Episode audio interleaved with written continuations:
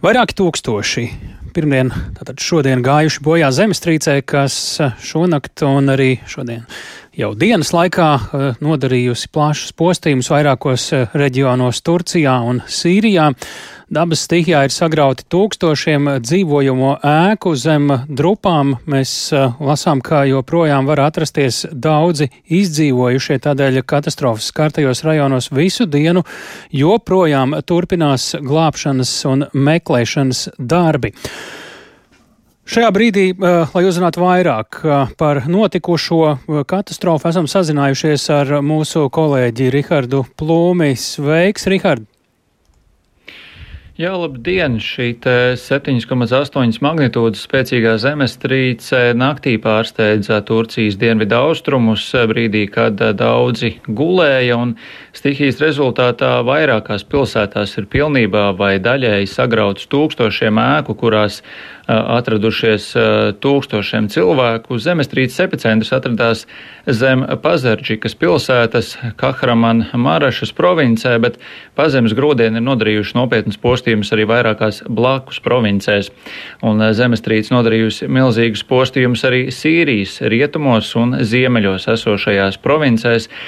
Kopumā bojā ir gājuši vairāk nekā 1900 cilvēku, Turcijā miruši aptuveni 1100 cilvēku, teju 8 800 mirušo ir arī Sīrijā. Skaidrs, ka bojā gājušo skaits uh, tiek, nu, diemžēl, papildināts ik pēc kāda laika, jo skaidrs, ka zem grūvušiem vēl ir, uh, varētu būt diezgan daudz cilvēku, tostarp gan dzīvu, gan jau mirušu. Izdzīvojušie stāsta, ka tik spēcīgu zemestrīci viņi savā dzīvē nesot pieredzējuši. Kāds vīrietis no Diyarbakiras pilsētas stāstīja par savām sajūtām. Yani ben uyuyordum, eşim beni uyandırdı. Es gulēju, kad sieva mani pamodināja. Zemestrīce bija ļoti spēcīga, mēs bijām ļoti nobijušies. Visapkārt bija briesmīgs troksnis. Pagāja gandrīz divas minūtes, līdz kratīšanas apstājās. Kadar sürdü. Simtiem cilvēku piedalās glābšanas un meklēšanas darbos. Glābēju skaits arvien pieauga. Turcijas iekšlietu ministrs Silēmans Soilū sacīja, ka zemestrīces seku likvidēšanā ir iesaistīti visi iespējamie resursi. Tabii 7.4 yıkım ortaya koyan bir depremdir. Şu anda Zemestrīce ir radījusi plašus postījumus. Stihijas skarto provinču gubernatori vada seku likvidēšanas darbus.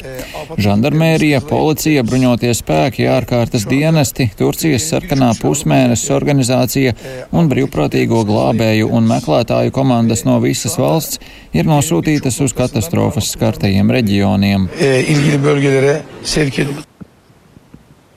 Vēl vēlāk pēcpusdienā Turcijas Kahramanmarašas provinces atricināja vēl viena 7,5 magnitūdu spēcīga zemestrīce, un uh, Turcijas amatpersona norādījusi, ka tas nav bijis pēcgrūdienis, bet atsevišķa zemestrīce. Vēl nav zināms precīzi, kādu tieši ietekmi šī zemestrīce ir atstājusi gan postījumu ziņā, gan uh, kā tas ietekmējis upuru un cietušo skaitu. Uh, Turcijas valdība ir lūgusi ārvalstīm sniegt palīdzību meklēšanas un glābšanas darbos, kā arī zemestrīces radīto postījumu postījumu likvidēšanā, un līderi no Āzijas, Eiropas, no ASV ir solījuši dažāda veida palīdzību. Tiesa glābšanas darbus turpmākajās dienās, jo, protams, sagaidāms, ka tie turpināsies vēl ilgi, tos varētu apgrūtināt sarežģīti laika apstākļi, proti Turcijas reģionā ap šīs te pirmās zemestrīces epicentru. Gaidāms ir stiprs lietus, savukārt dienā gaisa temperatūra būs tikai 3 līdz 4 grādi, naktīs tā noslīdēs krietni zem nulles. Gaidāms arī sniegs. Jāatgādina, ka slēgtas daudz viet gan skolas, tostarp arī vairākas lidostas, un glābšanas darbi turpinās. Tas arī viss man šim brīdim. Paldies Rihardam Plūmēm.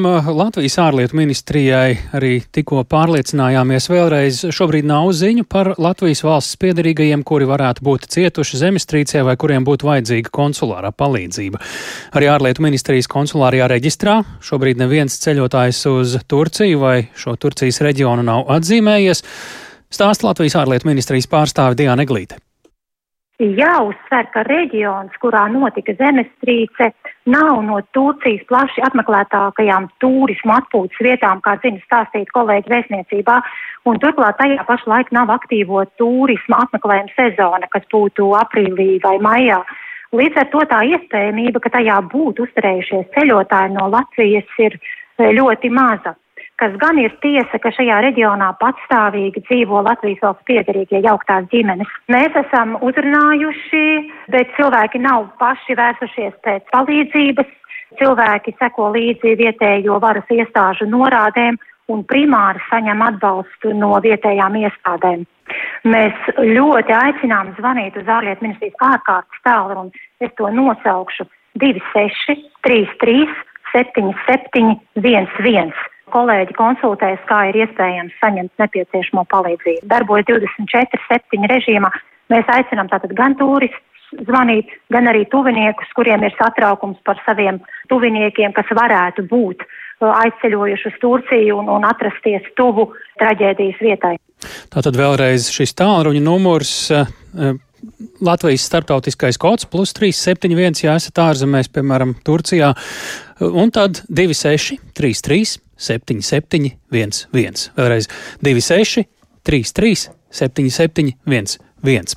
Zemestrīces spēku šorīt un šodien pieredzējusi Turcijas pilsētā Adanā kopā ar vīru un bērniem dzīvojošā latvieta Ingrīda Ginēja. Lūk, ko viņa pirms brīža raidījumam pēcpusdienu pastāstīja par pašas piedzīvoto. Mēs esam kādus laikam nepilnus 300 km. Nav ļoti tālu, nav ļoti arī tuvu. Jūs eh, jūtāt noteikti šo zemestrīci, bet ne tuvu, ne tik stipri, kā jūta cilvēki visskarbākajā vietā. Naktī laikam bija 6 balles, bet naktī tas bija ļoti viegli. Mums nebija panikas, pamodāmies, jo šūpojās māja, durvis šūpojās, ir tumšs, mēs neko tā īsti nesapratām, nebija nekādas neskaņas, ne ārā panikas. Bērni vispār nepamodās līdz rītam. Cilvēki tur laikam mašīnā izgāja pagulēt drusku līdz rītam, jo tas bija četros no rīta pie mums. Bet uh, viss bija kārtībā. Jūs dzīvojat Jā. kāda veida mājās, jo visbīstamāk izklausās, ka šādos apstākļos Jā. dzīvot ir daudz Jā. dzīvokļu, daudz stāv mājās. Jā, mēs dzīvojam privātmāju rajonā, tur, kur nav īpaši daudz, daudz dzīvokļu māju. Un, jā, to es tieši naktī redzēju. Daudz dzīvokļu mājā nevienā nebija gaismas, jo visi bija lejā. Iespējams, brauca pie vecākiem, kurie dzīvo privātmājās. Mēs dzīvojam privātmājā, divu stāvu. Viss bija mierīgi. Līdz pēcpusdienai. Tas bija vienos 24. laikam tā mums. Es sēdēju mājās viena pati. Man atnāca uz telefona paziņojums, ka varēs just grūdienus un sāka šūpot. Tas bija varbūt sekundes. Es izlasīju, skatos uz lampu un lampa sāka šūpoties. Es sapratu, ka man nav nekur citas iespējas, tikai gaitnis. Tā ir drošākā vieta, kā, tur, kur nekas nevar uzkrist virsū un tā, un šūpoja ļoti. Tā ka visas durvis vienkārši vaļā iekšā, viss cirtās. Man bija šausmīga panika, jo es arī nevaru noiet lejā, tāpēc, ka es esmu otrajā stāvā. Nedrīkst lietot tajā brīdī trepes. Kad viss beidzās, es paņēmu somu, izgāju ārā pilnībā, visi kaimiņi, visi bija ārā. Pa to laiku, kamēr šūpojās, es dzirdēju kliedzienus ārā, jo cilvēkiem bija panika. Tieši tajā brīdī jau saule spīdēja no nakts, bija lietus, nenormāls lietus, ļoti liels, stiprs un augsti, un pēcpusdienā sāka spīdēt saule. Jā. Mēs izgājām ārā, pastaigājām, un mūsu rajonā nekādu nebojājumu, ne plājus uz mājām, nekā nav. Bet visi cilvēki atrodas pagaidām uz ielām, mašīnās, visi ir sagatavojušies, visiem ir mašīnās vai kur sagatavotas mantas, drēbes, segas. Mēs arī nolikām drošā vietā segas, tuvu pie izējas. Internets mums ir, elektrība ir, gāze ir. Bet, jā, bet pārējā pilsētā, diemžēl, ir uh, diezgan nepatīkami. Ko jums mēdījos šobrīd saka, kādus paziņojumus jums izplata? Mēs televizorus slēdzām, jā, protams, rāda uh, pa visām pārējām pilsētām, ko tur dara, un tā pašlaik ne, neslēdzām, drusku negribās panika taisīt, jo pēcpusdienā es tiešām sāku krist panikā. Bet skolās māca bērnus, ko darīt un ko nedrīkst darīt tieši zemestrīces laikā visvairāk. Mums ir pateikts tā, ka nebrauciet pirmās, laikam, sešas vai četras stundas satiksmē, ko vakar cilvēki nedarīja. Cilvēki naktī, kad pēc šūpošanās visi brauca uzpildīties uz benzīna tankiem, un satiksme bija slēgta, un ātrie nevarēja izbraukt, ugunsdzēsēji nevar izbraukt. Bet īstenībā tā nedrīkst darīt, un to it kā mēs visi saprotam, bet diemžēl daudzi to nedarīja. Visbiežāk ir tā, vecāki dzīvo piemēram privāti mājās no dzaudz dzīvokļu mājām, tiem apartamentiem. Viņi brauc ārā. Dzīvokļos, es domāju, ļoti bīstami. Ja. Mums viņa paziņas, jā, viņi aizbrauc pie vecākiem. Septītajā vai astotajā stāvā tas nu, pilnībā nav droši. Mēs esam drusku tā sabijušies un gaidām nakti drusku ar bažām. Jā. À, un vēl mums ir skolas atceltas uz visu nedēļu. Vismaz pagaidām teica, laikam, nedēļa. Mums bija tā, ka mums bija divas nedēļas brīvlaiks, semestra beigas, un tagad vēl uz nedēļu pagarināja, vismaz uz šo brīdi. Tā Turcijas pilsētā Adanā dzīvojošā Latvieta Ingrīda Gineja aptuveni 300 km no pirmās zemestrīces epicentra. Bet kas izraisīs uh, šo zemestrīci? Vēl pirms uh, šīs otrās zemestrīces sazinājāmies ar uh, Latvijas Universitātes ģeoloģijas nodaļas vadītāju, ģeoloģijas zinātņu doktoru Jāni Karušu, mēģinot saprast, tās spēcīgumu salīdzinot ar citām zemestrīcēm un par iespējām prognozēt turpmākus pēcgrūdienus šī zemestrīce, ja mēs runājam tā no uh, tehniskā skatu punkta, tās ir 7,8 magnitūdas, un lai tā saprastu 9, 10 magnitūdas, tās ir tās spēcīgākās zemestrīces, kādas mums vispār ir, un kopš 1950. gadiem aptuveni tās ir atsevišķas zemestrīces, kas ir pārsniegušas šādu stiprumu. Tāpēc arī jāpiekrīt ir plašsaziņas līdzekļiem, ka šī tiešām ir izteikti spēcīga zemestrīce. Ja mēs skatāmies kopumā uz, uh, uz zemestrīcēm Eiropā, tad Turcija ir pats pats bīstamākais reģions no seismiskā riska novērtējuma. Un, ja mēs atkal skatāmies uz pašu Turciju, tad Turcija ir uh, pakļauts sarežģītiem tektoniskiem apstākļiem. Tad šajā vietā ir kontakta zonas starp dažādām tā saucamajām litosfēras tektoniskajām plātnēm.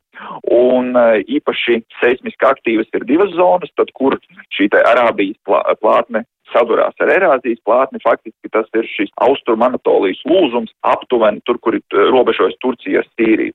Un šis arī ir šis lūzums, kura zonā notika šī zemestrīce. Otra tikpat bīstama zona ir Ziemeļa Anatolijas lūzums, kas atkal iet gar visu Turcijas ziemeļu robežu. Un šī austrum Anatolijas lūzuma arī noticis noticis šis spēcīgākais satricinājums. Jāsaka, uzreiz, ja mēs skatāmies uz šiem zemestrīču novērojumu datiem, tad eh, satricinājumi bijuši ir vairāki, aptuveni desmit vai pat vairāk dažādu stiprumu. Protams, tas spēcīgākais bija 7,8 magnitūdas.